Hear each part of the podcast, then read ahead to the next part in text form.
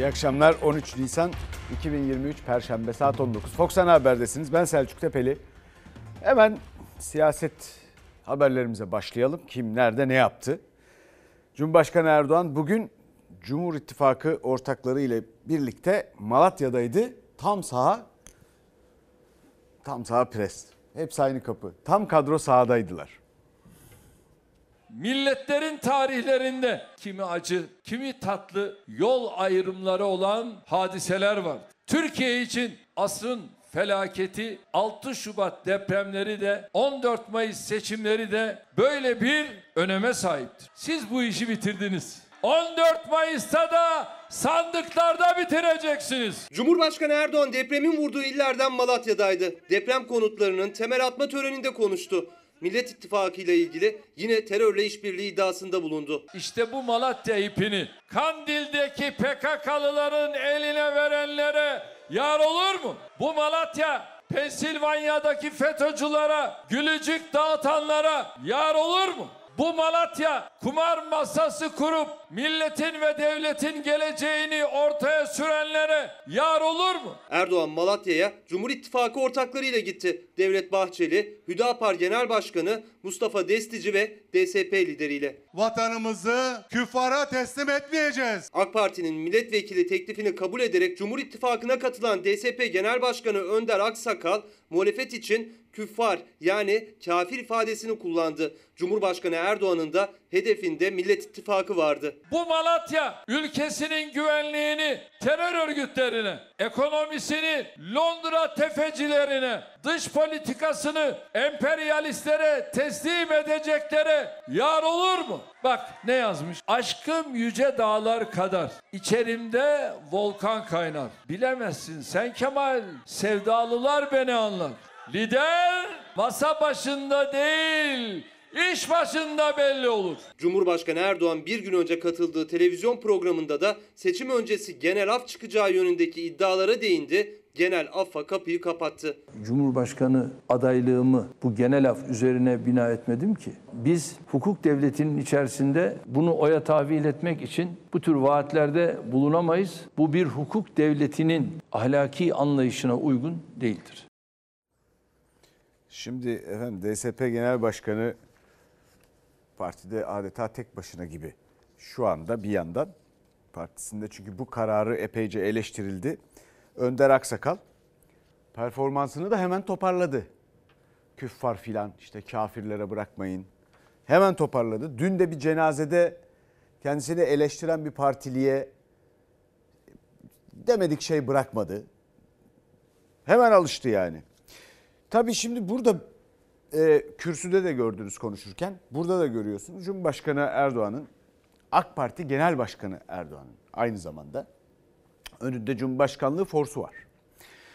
Konuşurken de öyle ve siyaset yapıyor. Bir seçime AK Parti Genel Başkanı olarak hazırlık yapıyor. Bununla ilgili kampanya yürütüyor. Bütün sözleri buna yönelik. Ee, tamamen siyasi ve siyasi rekabetle ilgili. Fakat önünde Cumhurbaşkanlığı forsu var. Bu arada da herhalde bu harcamaların önemli bölümü de devletten. Yani vergilerimizden. Tabii bunu Mustafa Varank bakanlardan, Sanayi Bakanı bunu fark etmiş. E, o tabii e, Kılıçdaroğlu'nu, Kemal Kılıçdaroğlu'nu eleştiriyor. E, işte e, bu Türkiye'deki seyahatleriyle ilgili olarak işte onun harcamalarının kendi vergilerinden olduğunu söylüyor. Güzel, güzel bu. Yani vatandaşlık bilincinin Bakan Varank'ta gelişiyor olması güzel. Boşuna demiyorum patron sizsiniz diye. Güzel bu. Ama bu tarafa da bir baksalar burada ne oluyor acaba? Kaç para nereye harcanıyor, ne kadar harcanıyor? Şimdi listeye girmeyelim. Efendim Kılıçdaroğlu demişken o da seslendi. Ee, Millet İttifakı Cumhurbaşkanı adayı Adıyaman'daydı, iftardaydı. Kul hakkı yiyene oy vermeyin dedi. 14 Mayıs'ta sandığa gideceksiniz. Haktan yana, hukuktan yana, adaletten yana oy kullanacaksınız. Bu işin çözümü budur. Kul hakkı yiyenlere oy vermeyin. Kul hakkı yiyenlere oy vermek kul hakkı yiyenlerle ortak olmak demektir. Adıyaman'da sokak iftarı sonrası depremzedelerle bir araya geldi. Bu cümleleri kurdu Millet İttifakı'nın adayı Kemal Kılıçdaroğlu. 418 milyar doları da hatırlatarak. Hazineden çalınan 418 milyar doları getireceğim ve bu milletin cebine koyacağım. Sanıyorlar ki çaldık götürdük. Kılıçdaroğlu onu bulamaz. Fizan'a götürseler bulacağım. Saadet Partisi'nin ev sahipliğindeki iftar için Adıyaman'a Millet İttifakı'nın Cumhurbaşkanı adayı Kılıçdaroğlu ve Meral Akşener aynı araçla gitti. Davutoğlu hasta olduğu için katılamadı. Beş lider depremzedelerle sokak iftarındaydı. Parayı yerinde harcayacağız ve hesabını vereceğiz. Millet için harcayacağız. Kendimiz için değil. Yoğun ilgiyle karşılaştı liderler. Her biri ayrı masada depremzedelerle iftar yaptı. Dertlerini dinledi. Biz sizin yanınızdayız. Millet İttifakı 14 Mayıs'ta Allah nasip eder iktidara gelirse problemler nasıl çözülür? O zaman çok daha yakından göreceksiniz. Şimdi size diyorlar ki gelin helalleşelim. Helalliği şöyle isteyeceğiz. Evinizi yapacağız. Dükkanınızı yapacağız. Ağrınızı yapacağız. Sizden 5 kuruş dahi almayacağız. Bir kuruş dahi almayacağız. Her türlü gayreti göstermemize rağmen eğer sıkıntılar yaşadıysanız bize düşen sizlerden helallik istemektir. Bir sürü vaatlerde bulunmak, buraya gelip helallik dilemek iyi bir şey. Ama eksiklikleri, kabahatleri helallik sadece örtmez. Anahtarlarınızı teslim ederken diyeceğiz ki yakınınızı kaybettiniz ama öleni geri getirmek mümkün değil. Ama size evinizi, dükkanınızı yaptık, anahtarını teslim ediyoruz. Gelin şimdi helalleşelim. Bizim helalleşmemiz böyle olacak. Millet İttifakı'nın Cumhurbaşkanı adayı Kılıçdaroğlu depremzedelere bedava konut sözünün altını çizdi. Mayıs'ın 14'ünde bugün efendim işim var sandığa gidemiyorum demeyeceksiniz. Komşunuzu ikna edeceksiniz. Beraber gideceksiniz. Türkiye hepimizin Türkiye'si. Benim listemde bu niye var? Bu canavar artık oyları yutup da mecliste çoğunluğu elde etmesin diye. Bu saraya karşı demokrasi birlikteliğidir. Deva Partisi Genel Başkanı Ali Babacan da eski Adalet Bakanı Sadullah Ergin'in CHP listesinden seçime giriyor olmasına yönelik eleştirilere karşı Ergin'e sahip çıktı. Yeni bir yol ayrımındayız. Ön yargıları ve hatalı ezberleri bırakmalı, birbirimizi dinleyerek birleşe birleşe kazanmalıyız dedi. Şimdi tabii böyle çok duygusal mesajlar veriliyor. Bütün konuşmalarda böyle duygusal inanca yönelik hatta böyle mesajlar veriliyor. Fakat e, bir yandan da bu kul hakkı yeni oy vermeyin ya da helallik isteme durumu yani giderek bakıyorum ya bir helallik isteyeceğiz. Giderek böyle gündelik bir hale geliyor filan. Giderek bir günah çıkarma müessesesine dönüşmeye başladı bu. Bu öyle bir şey değil. Meral Akşener İyi Parti Genel Başkanı Samsun'daydı.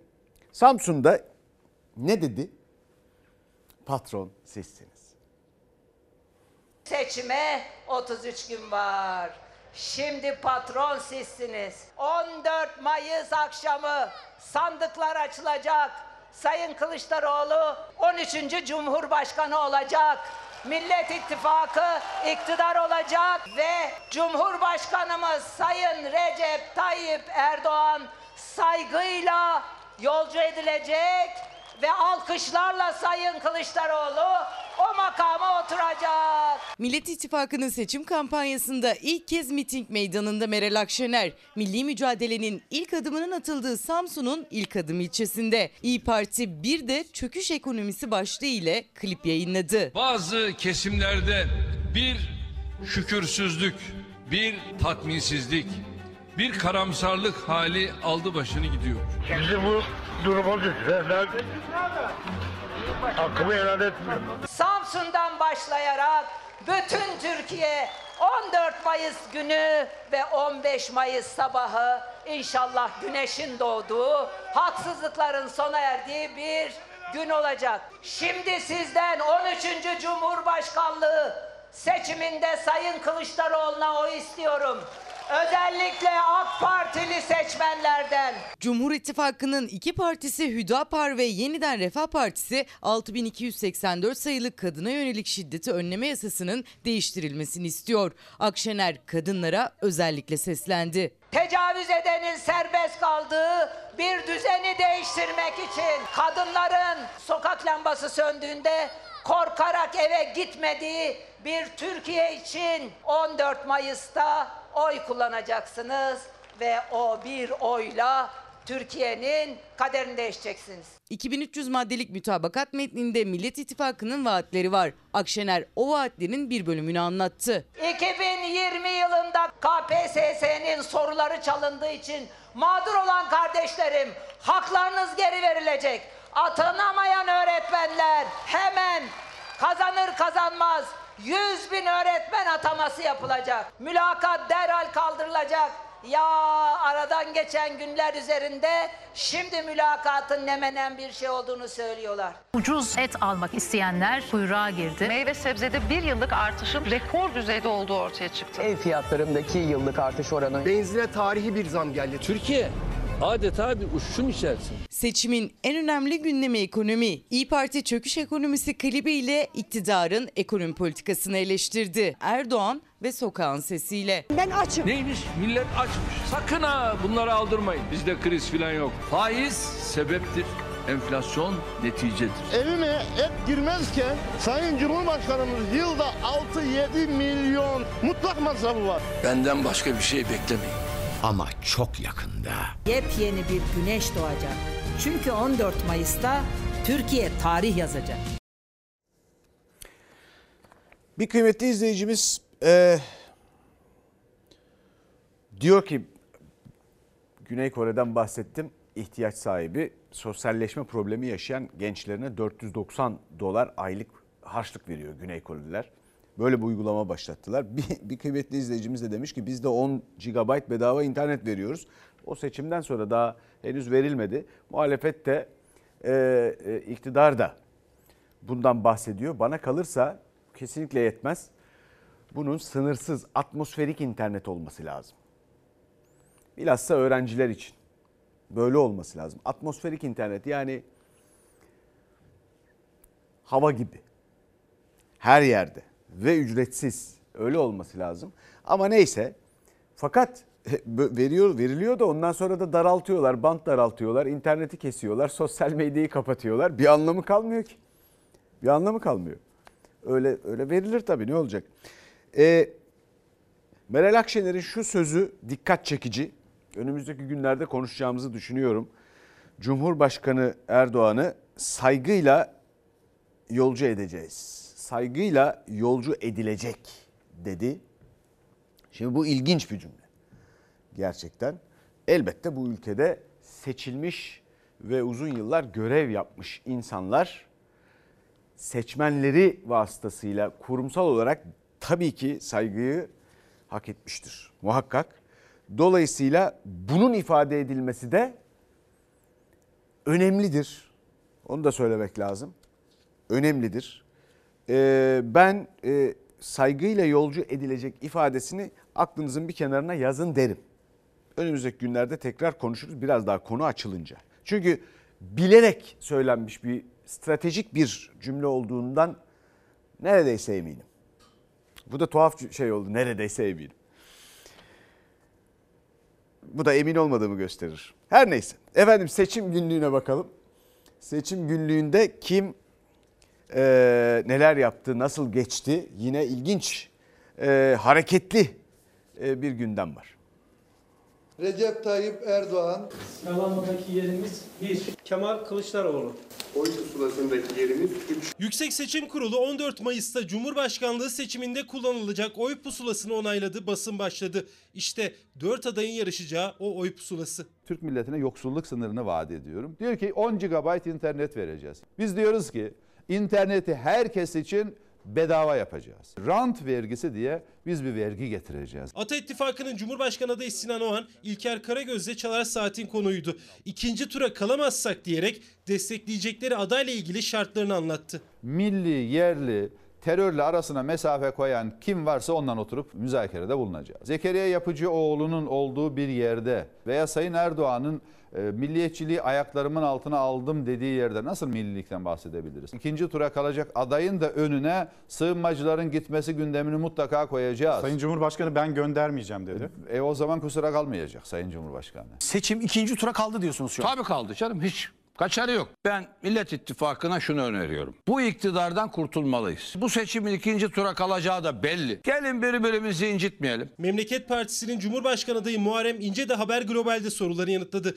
Seçimin ikinci tura kalacağından emin cümleler kurdu. Millet İttifakı için yedili masa ifadesini kullandı Erdoğan gibi. Ama HDP'den de oy istenebilir dedi. Oy herkesten istenir. E, HDP'den de istenir. Memleket Partisi'nin Edirne'den 3 milletvekili adayı sıralamada haksızlık yapıldığını gerekçe göstererek istifa ederken AK Parti İstanbul 3. bölgeden 8. sırada milletvekili adayı olan eski Esenyurt Belediye Başkanı Necmi Kadıoğlu da sağlık gerekçesi nedeniyle adaylıktan çekildiğini duyurdu. Aramızda bir şu anda milletvekili adayımız var. Aynı zamanda meclis üyesi, aynı zamanda milletvekili adayı. Sadece sehven kendisi buradan istifa etmedi. Meclis üyeliği devam ediyor. Milletvekili adaylığı düşmüştür zaten kendisinin. AK Parti İstanbul 1. bölgeden milletvekili adayı olan İstanbul Büyükşehir Belediye Meclis Üyesi Mustafa Naim Yağcı'nın aday olmadan önce meclis üyeliğinden istifa etmediği ortaya çıktı. Yasaya göre belediye meclis üyelerinin de adaylık için istifa etmesi gerekiyor.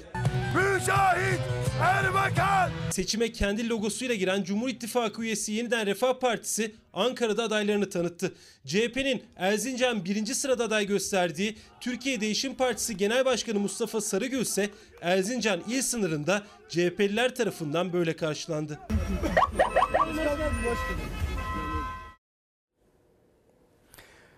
Efendim ilginç evet şimdi e, Sinan Oğan'ı duydunuz. Sınırsız internet herkese dedi. İşte zaten senelerden beri bundan bahsediyorum. Onun gündemine girmiş adaylardan birinin. Bu arada diğer adaylardan da patron sizsinizi yavaş yavaş duyarız diye umuyorum, bekliyorum bir yandan da. Bir kıymetli izleyicimiz Kılıçdaroğlu 350 bin konutu bedava yapacak. He bırakın bu işleri. Ee, efendim az delikanlı ol da böyle bir şey mümkün olmadığını söyle Selçuk boş yapma. Kıymet, öyle tatlı ki. Efendim bu evlerin bedava teslim edilmesi bir beyan. Yani şu anda bir seçim vaadi olarak kayda geçti. Bu mümkün olur olmaz meselesini çoktan aştı. Bu beyan alındığına göre, kayda geçtiğine göre bunun peşinde olacak bütün memleket. Dolayısıyla bu bir kere söylendiği zaman yapılacak. Ha mümkün olur olmaz teknik olarak mümkün mü diye soruyorsanız teknik olarak da mümkündür. Hatta sadece deprem bölgesindekiler değil kimsenin elini cebine atmasına gerek olmadan ve başkalarının vergilerinden filan alıp transfer de etmeden bir mühendislikle katma değeri yaratıp değeri yaratıp yani yaptığınız projelerle değeri yaratıp bütün şehir bina stoklarının yenilenmesi mümkündür. Mümkündür bu. Ama bunun için alavere dalavereden e, inşaat müteahhit cuntasından uzak durmak gerekir. Ha bir de bu e, e, ciddi bir politika ister. Sonunda da herkes değer kazanır, uygulanır, yapılır. Hiç merak etmeyin. E, gelelim ama biz tabii biz bunlardan bahsediyoruz. Böyle şeylerden bahsediyoruz. Mühendislikten bahsediyoruz. E, Hüdapar ne yapıyor? Hüdapar gözünü karma eğitime dikti. Hüdapar bizim logomuzla birlikte giriyor ve beraberce bu seçimi şey yapacağız. Karma eğitimin zorunlu olmaktan çıkarılması için Hüdapar mecliste olmalıdır. Terör örgütü Hizbullah'ın siyasi uzantısı olan Hüdapar'dan tam da böyle bir beyanname beklenirdi. Tıpkı Afganistan'ın başına çöreklenen Taliban gibi karma eğitime kadar göz dikmiş durumdalar. Cumhur İttifakı'nda AK Parti logosu altında seçime girecek Hüdapar'ın parti programı sonrası bu kez de seçim beyannamesi gündemde. İslam Cumhuriyeti karma eğitimin kaldırılması o beyannamede yer aldı. Hüdapar, kız ve erkek öğrencilerin ayrı sınıflarda eğitim görmesini vaat ediyor. Şimdi karma eğitime karşı çıkarlar. Sonra kızlar evde otursun, kızlar okumasın derler. Hüdapar kafası kadını köle gibi gören Hizbullah kafasıdır. AK Parti bunlarla beraber MHP Kimler kimlerle beraber. Sadece karma eğitimin kaldırılması yok Hüdapar'ın 2023 vizyon belgesinde 6284 sayılı ailenin korunması ve kadına yönelik şiddeti önleyen yasanın değiştirilmesi de var. 6200 sayılı kanunun değiştirilmesi ve süresiz napaka uygulamasına son verilmesi için Hüdapar mecliste olmalıdır. Tamamen bir akıl tutulması diyorum. 30 küsür kere koruma kararı almış kadın. Bunun sonunda ölüm var diyor ve ölüyor kadın. Biz böyle bir ülkeyi yaşıyoruz ve konuşulan konulara bakın. Yani o kadar üzülüyorum ki ve o kadar kızıyorum ki. Bakın çok açık söylüyorum önümüzdeki süreç biz kadınlar için bir varoluş ya da yok oluş mücadelesidir. Kadınları ve çocuklarımızı korumak için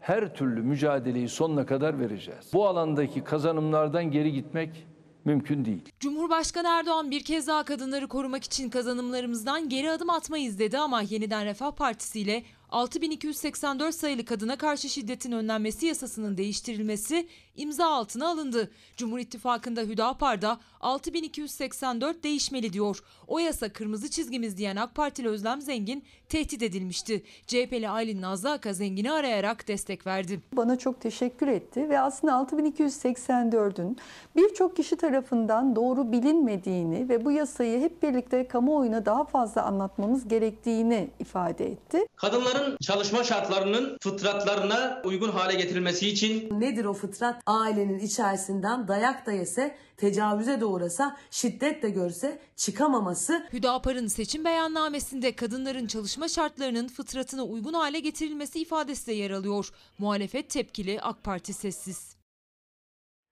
Evet ve bu meseleleri de bu kadınlara dair karar alınacak konuları da fıtratlarını filan da hep erkekler biliyor yani. Bu erkekler biliyor.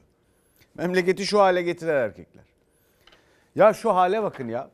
Ya bu memleket 150 sene önce Cumhuriyet'ten önce bile emin olun bakın bu bu zihniyet yoktu ya. Ya Osmanlı'da yoktu diyorum. 19. yüzyıl Osmanlısında. Bunlar ne nasıl bir vahabi kafa bu ya? Efendim kadına şiddet meselesi ısrarlılar bu konuda. Kadınlar şiddet görsün istiyorlar. Israrcılar bu konuda. Çık, kaldıralım bu kanunu. İstanbul Sözleşmesi'nden çıkıldı ya. O zaman demişlerdi ki bu kanun var, bu yasa var. Biz zaten koruyoruz. Tekrar ediyorlar hala da. E şimdi sıra buna geldi. Bakalım daha nerelere gelecek? Medeni hukukta kadının miras hakkı olacak mı? Bunların kafalarında var mı?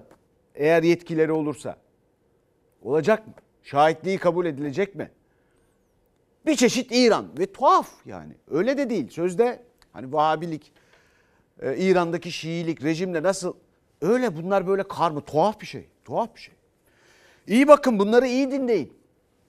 İyi dinleyin bunları. İstedikleri şeyleri görün yani. Efendim kadınlarla, kızlarla erkekler ayrılsınmış sınıflarda. Başkası mı? Başka okullar falan. Başka hiç her şeyi yaptınız değil mi? Her şeyi yaptınız. Peki kimin elinde olacak o çocuklar? Böyle zihniyetlerin elinde olduğunda o çocuklara ne olduğunu görüyoruz. Efendim geçelim devam edelim. Daha çok konuşulur ama hadi neyse. Ee, şimdi bir mülakat tartışması var biliyorsunuz memlekette. Bununla ilgili Cumhurbaşkanı Erdoğan, AK Parti Genel Başkanı Erdoğan e, vaadini tekrar etti. Fakat hala anlaşılamayan bir şey var. Ya tek bir imzaya bakar ve 85 bin kişi de şu andan itibaren 85 bin kişi de seçime kadar mülakattan geçecek ve haksızlığa uğrayacak. Zaten yüz binler uğradı o haksızlığa bu ülkede. Milyonlar uğradı. Şimdi 85 bin kişi daha uğrayacak bu haksızlığa. Peki e, bir kararnameye bakar ama olmaz. Olmaz. Mülakat neden şimdi kaldırılmıyor bir bakalım. Kamuya işe alımlarda sınavlardaki başarı sıralamasını esas alarak bu konudaki tereddütleri de gideriyoruz. Bu da tabii ki bugün yarın bu denilmez. Ne zaman? Seçim bitecek. Niye seçimden sonra? Neden bugün kaldırmıyorsun? Bir imzayla İstanbul Sözleşmesi'nden çıkan, bir imzayla her istediğini yapan neden bugün bir imza atıp da mülakatı kaldırmıyor? Bu bile samimi olmadığının bir göstergesi. Bunun için bir yasal düzenlemeye falan gerek yok. Kararnameye de gerek kalmadan pek çok alanda sadece fiili uygulamayla gerçekleştirilebilecek bir düzenleme. Millet İttifakı'nın dile getirdiği vaadi Cumhurbaşkanı Erdoğan da dillendirdi. Kamuya işe alımlarda mülakatı kaldıracağız dedi. Ne zaman kalkacak sorusuna seçim sonrası diye yanıt verdi. Muhalefet mülakatın kaldırılması için neden seçim bekleniyor diye sordu. Biz muhalefetiz. Ben sadece vaat ederim. Ama sen iktidarsın. Neyi bekliyorsun? Yarın sabah yapsana. Seçim bitecek. Seçimden sonra inşallah yeni dönemde yeni planlamayla bunun adımlarını atmış olacağız. Mülakat falan yoktu. Mülakatı yandaşlarını kayırmak için sen getirdin. Biz kaldıracağız diyoruz. Şimdi ben de kaldıracağım diyorsun. Kamuda sınav açıldı KPSS. Mülakat kalkacak. Torpili bitireceğim torpili. Liyakatsiz atamalar, torpille işe alımlar yapılıyor diyerek iktidarı mülakatlar üzerinden eleştiriyordu muhalefet. Ve mülakatların kalkacak olması Millet İttifakı'nın önemli vaadiydi. Erdoğan da 14 Mayıs'a giderken mülakatı kaldıracağız vaadi verdi ama muhalefet iktidar vaat vermez diyor. Neden seçimin beklendiğini soruyor. Liyakata önem verdiğimizi, torpilin olmayacağına gençlerin verdiği desteği görenler seçimi kaybetmemek için yalana sarılıyorlar. Gereksiz tartışmaların içine düşmemek ve gençlerimizin kafasında herhangi bir soru işareti bırakmamak için zorunlu bazı alanlar dışında başarı sıralamasıyla işe alımı esas haline getireceğiz. Sağlıkta, adalette pek çok alanda alımlar var. Diyoruz ki hiç olmazsa uygulayın bir görelim bakalım. Gerçek anlamda ehliyetli, liyakatlı, hak edeni siz göreve başlatabiliyor musunuz? Bakanlıklar, üniversiteler, belediyeler ve pek çok kamu kuruluşunun kamu personeli alım ilanı var. Muhalefet sadece Nisan ayında alınacak 83.230 kamu personeli ilanını hatırlatarak bu alımlarda mülakatların hemen kaldırılmasını istiyor. Nisan boyunca 85 bin kişiye mülakat var. Seçimi kazanırsam artık yok diyor. Duy da inanma, küllamı anlat. Mülakatı devam ettirecekler. Adam kayırmacılığın daniskasına devam edecekler. E şimdi seçime kadar tabii yani bir e, partizanca atamalar, işe almalar, kadrolaşmalar. Yani tabii bunu bu nasıl bundan vazgeçilebilir mi? Bir yığın şey vaat edilecek, oy karşılığı. Bizde düzen bu. Ondan sonra da ne olacak? Öbürsü gün günah çıkarılır olur biter. Ne olacak ya? İşler böyle yürüyor Türkiye'de artık. Ama patron sizsiniz. Bunlara bakın. Bir vatandaşlık, hızlandırılmış vatandaşlık okulunda gibiyiz. Kaç senedir.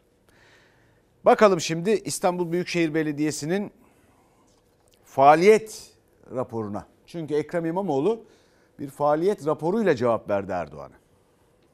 Büyükşehir belediyelerinin başkanları onlarda değil mi? Ya bir eseriniz olsun be. Biz ihanet ettik diyen insanların yaptıklarını yapmayacağız. Yeni bir başlangıç yapacağız demiştim. Biz bu şehre ihanet ettik. Ben de bundan sorumluyum. Geçmiş dönemlerde dere yataklarında yapılaşma normal kabul edilirdi. Şimdi devasa yeşil alanlara dönüştürülmesi normal oldu. Cumhurbaşkanı Erdoğan'ın bir eseriniz olsun çıkışına İstanbul Büyükşehir Belediye Başkanı İmamoğlu Erdoğan'ın ihanet itirafını hatırlatarak yanıt verdi. İstanbul Büyükşehir Belediyesi'nin 2022 faaliyet raporu sunumunda hep geçmişle kıyas yaptı Ekrem İmamoğlu.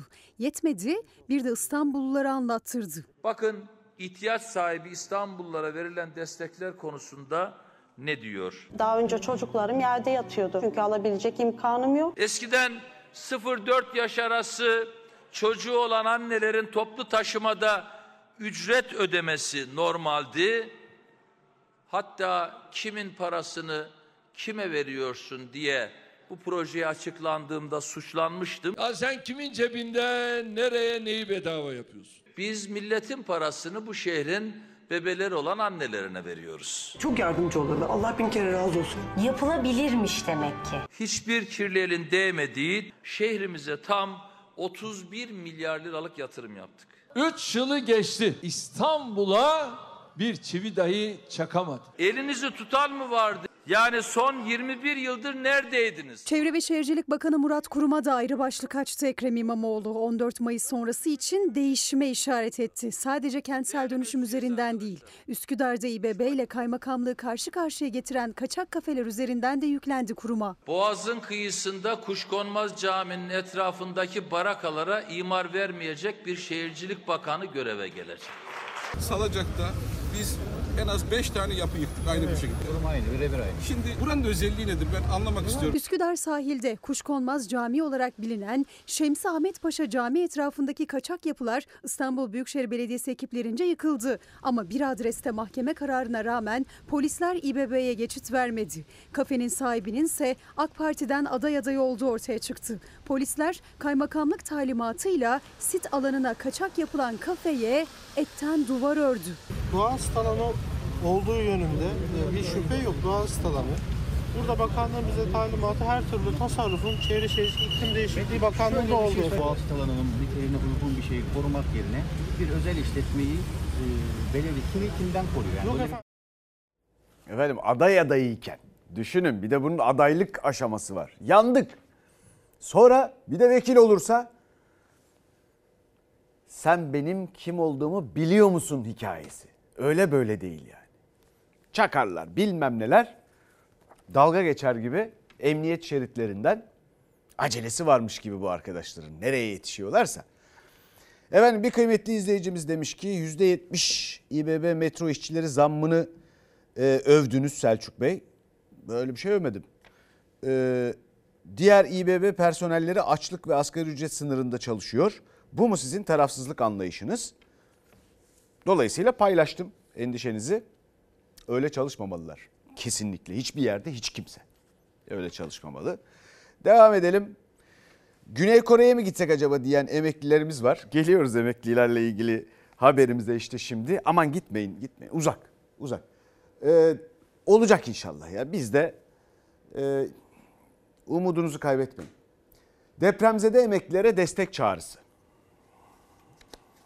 Şurada ağacın altında yağmur. O, onu Çocuk geç abim var. ya. İşte gördüğünüz gibi bu halde evimiz. Yeni bir ev yaptırmaya kalksanız ödeyebilir misiniz?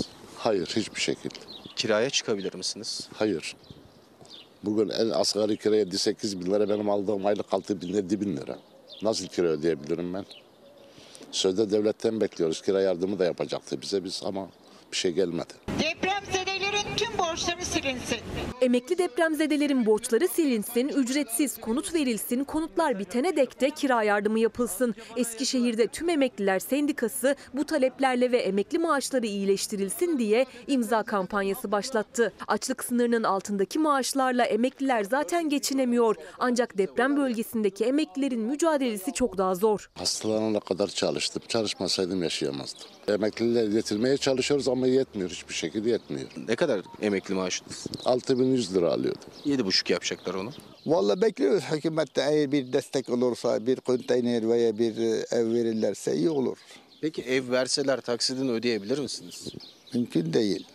Ödemeyiz. Bir tarafta depremde ağır hasar almış evi, diğer yanda kendi imkanlarıyla kurduğu ve eşiyle birlikte içine sığındığı çadır. Abdo Yiğiter şimdiye kadar çadırda hayatını sürdürdü. Ama bundan sonra bir emekli olarak ev sahibi olabilecek mi? İşte bu sorunun yanıtını arıyor.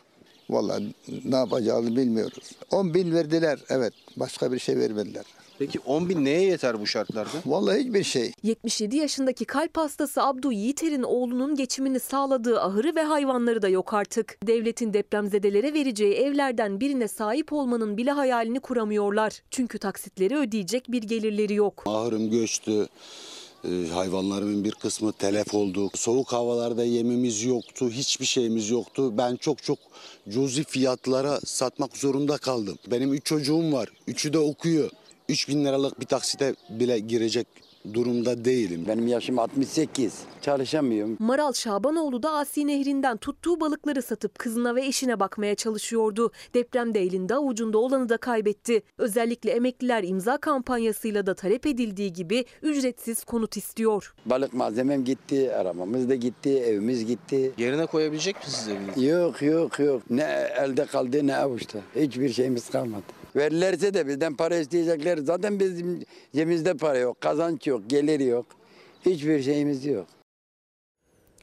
Bu arada deprem bölgesinde ailesinde kayıpları, can kayıpları olan e, pek çok kişinin adres kaydırma veya adres kayıtta yanlışlıklar sebebiyle başkalarının e, yardımlarını aldığı, sonra onu geri verdiği ya da hiç alamadığı ya da başkasının geri vermemesinden dolayı alamadığı gibi pek çok karmaşa yaşanıyormuş. Yani 150 bin lira e, can kaybı ile ilgili olan biliyorsunuz 10 bin lira. Bunu da söyleyeyim buradan. Şimdi gelelim kira meselesine. Adana'da bir deprem bölgesinde bir kira fırsatçılığı haberi.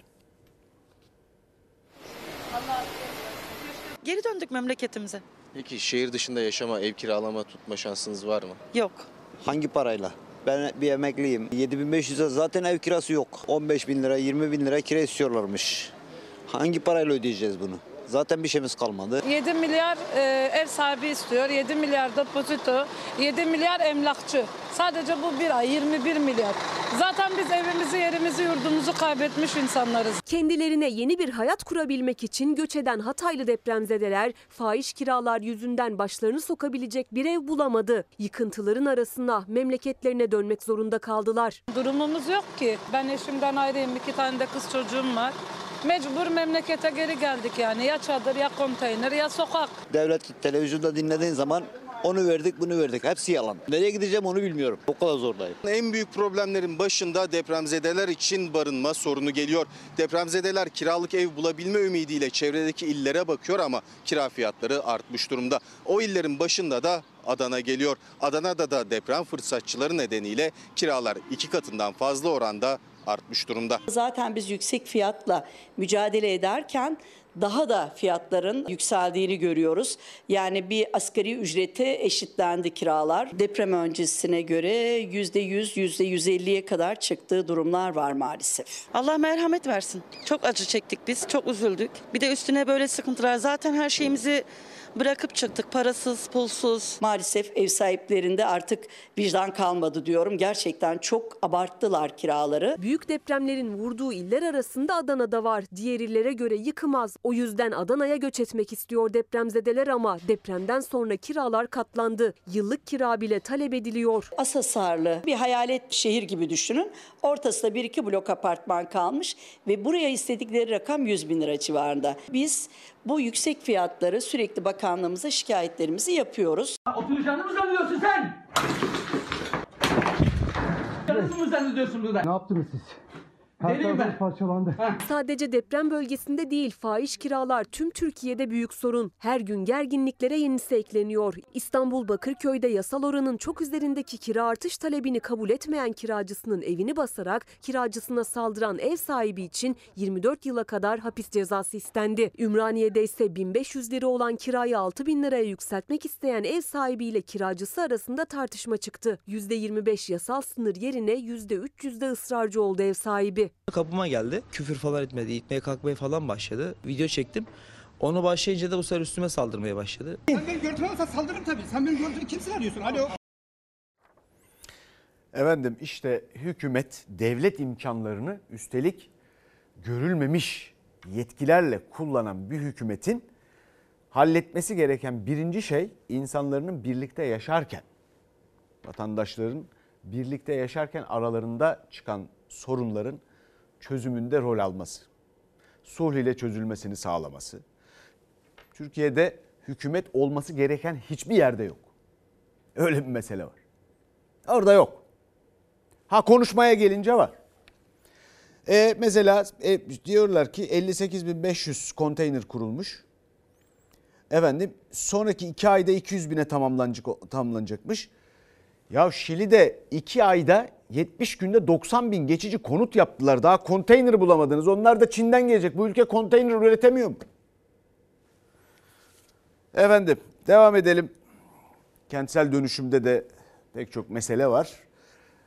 Sarsıntıya bile gerek yok. Birer birer çöküyorlar.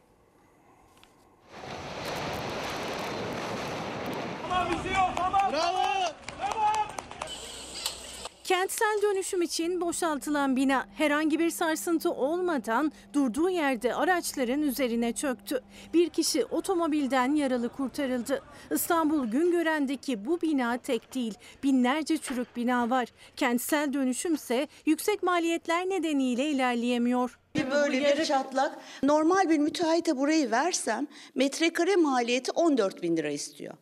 Ve bu halkın durumu belli. Dört katlı bu binanın bodrum katındayız ve işte tavanlar. Tavanlar rutubet yüzünden çökmek üzere. Yine demirlerde çürümüş vaziyette. Binayı ayakta tutan ne varsa elimizi attığımızda elimizde kalıyor. İşte kirişlerin durumu üstündeki bu sıvalar bu sıvalar bu şekilde rutubetten dökülüyor. 40 yıllık binadayım. Yıkmamız ve yeniden yapmamız gerekiyor. 99 deprem öncesi inşa edilmiş bu binayı ayakta tutan kolonlar baştan aşağı yarıklar içinde. Bizim evimizi yıktılar. iki sene oldu yapılmadı. Maliyetleri ödeyemediğimiz için yaptıramıyoruz. Ağır hasarlı evinin yerine yenisini yaptıramadı Zeynep Akbaba. Kentsel dönüşüm maliyetlerini ödeyemedikleri için evi yıkıldığı gibi kaldı.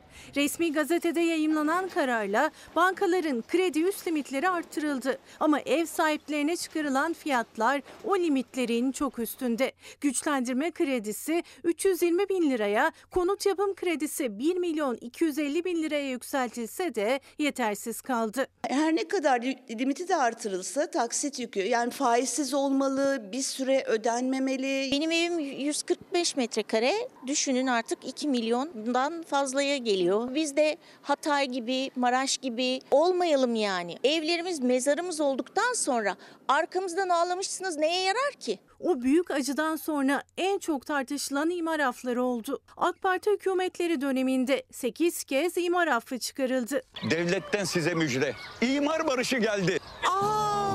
Bu imar affı vesaire diyorsunuz. Yani bu konuyla ilgili de inşallah yeni dönemde katalog suçlar denilen onların içerisinde o da yerini alacak. Cumhurbaşkanı Erdoğan affedilemez suçlar arasına alınacağını söyledi imar usulsüzlüklerinin. Daha önce hükümetin kararlarıyla o suçları affedilenler ne olacak değinmedi. Biz onunla daha da köşeye sıkıştıracağız. Çünkü bu işin affı maffı olmaz. Ölmek istemiyoruz, göçük altında kalmak istemiyoruz. Kamu işçilerinin zam pazarlığına bakacağız şimdi de. Hükümet %30 verdiler.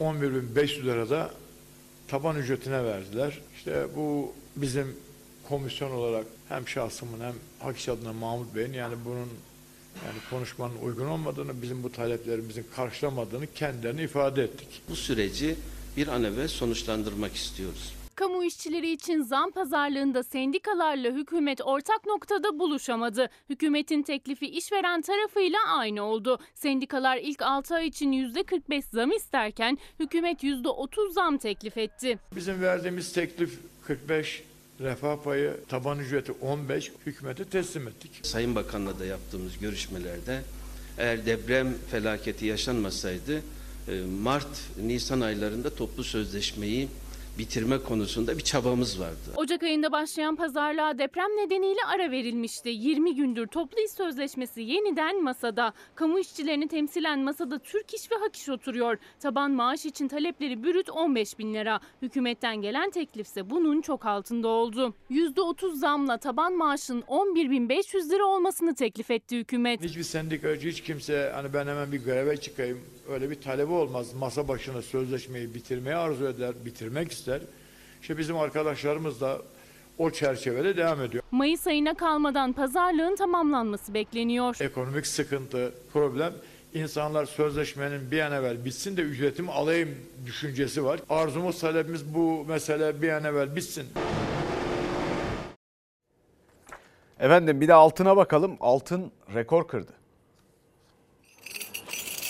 Oy altın fiyatları çok pahalı ya. Düğün olmaz mı? Bir ay sonra eltimi kızının düğünü var. Bilmiyorum ne yapacağız ya. Eskiden vallahi o zaman daha sanki bize daha ucuz geliyordu. Resmen devalüasyon olmuş gibi bir şey yaşıyoruz. Zaten yüksekti altın fiyatları seçim öncesi tırmanışa geçti. Bir de Amerika'da enflasyonun açıklanmasıyla altının ons fiyatı yükseldi. Gram altın 1271 lirayla rekor kırdı. Eskiden bir komşu bile götürür çeyrek takardı, bilezik takardı. Şimdi en yakınına bile bir şey götüremiyorsun. Kimse kimseye koşamıyor artık. Yani bu zamanda her şey zorlaştı. Ekonominin durumu Gençsiniz, arkadaşlarınız belki evleniyordur. Hani böyle düğünlerine rahat gidebiliyor musunuz? Yok. Yani arkadaşlarımla da şu an görüşemiyorum. Çeyrek altın 2128 lira, yarım 4255 lira, Cumhuriyet altını ise 8481 lira. Yani neredeyse bir asgari ücret kadar. Altın almak zorunda olanlar kredi çekiyor artık. 18.750 liralık bir bilezik kredi kartıyla 900 lira kadar falan üzerine ekleniyor. Yaklaşık olarak 19.650 TL'ye denk geliyor. Düğün sezonu da yaklaşırken düğünleri için burma bilezik almak isteyenler kuyumculara geliyor. Fiyatları görünce kredi kartı soruyor. Ancak en çok tercih edilen ve fiyatı 18 bin lirayı geçen burma bileziklerde kredi kartı geçmiyor. Eğer kredi kartıyla almak isterse yaklaşık 900 lira fazla ödemek zorunda. Beyefendi mesela kredi kartıyla almadı komisyon çok yüksek diye. Arkasından nişanlısıyla konuşup kredi çekip geldi ve alacağı bileziği aldı. Kredi çekip 12 taksit yapıp bileziği aldı. İnsanlar bileziği bir şekilde almak zorunda. Bilezik takmasanız olmaz mı? Olmaz. Ama yabancımız değil. Eltimin kızı. Mecburen takacağız. bir şekilde alacağız. Bir şekilde almak zorunda olanlar çözüm yolu arıyor. Gramın yarısı, yarısının da yarısı daha fazla ilgi görüyor. 2018'de çeyrek altın 325 liraydı. Artık gram altının çeyreği 325 lira. Alışveriş tabii ki etkiliyor. İnsanların ihtiyaçları doğrultusunda mesela 0.25 gram altınımız var. Bunun fiyatı 325 TL. En küçüğü bu. En küçüğü bu 0.25 gram. 1 gramın dörtte biri. Şu an çok rağbet var.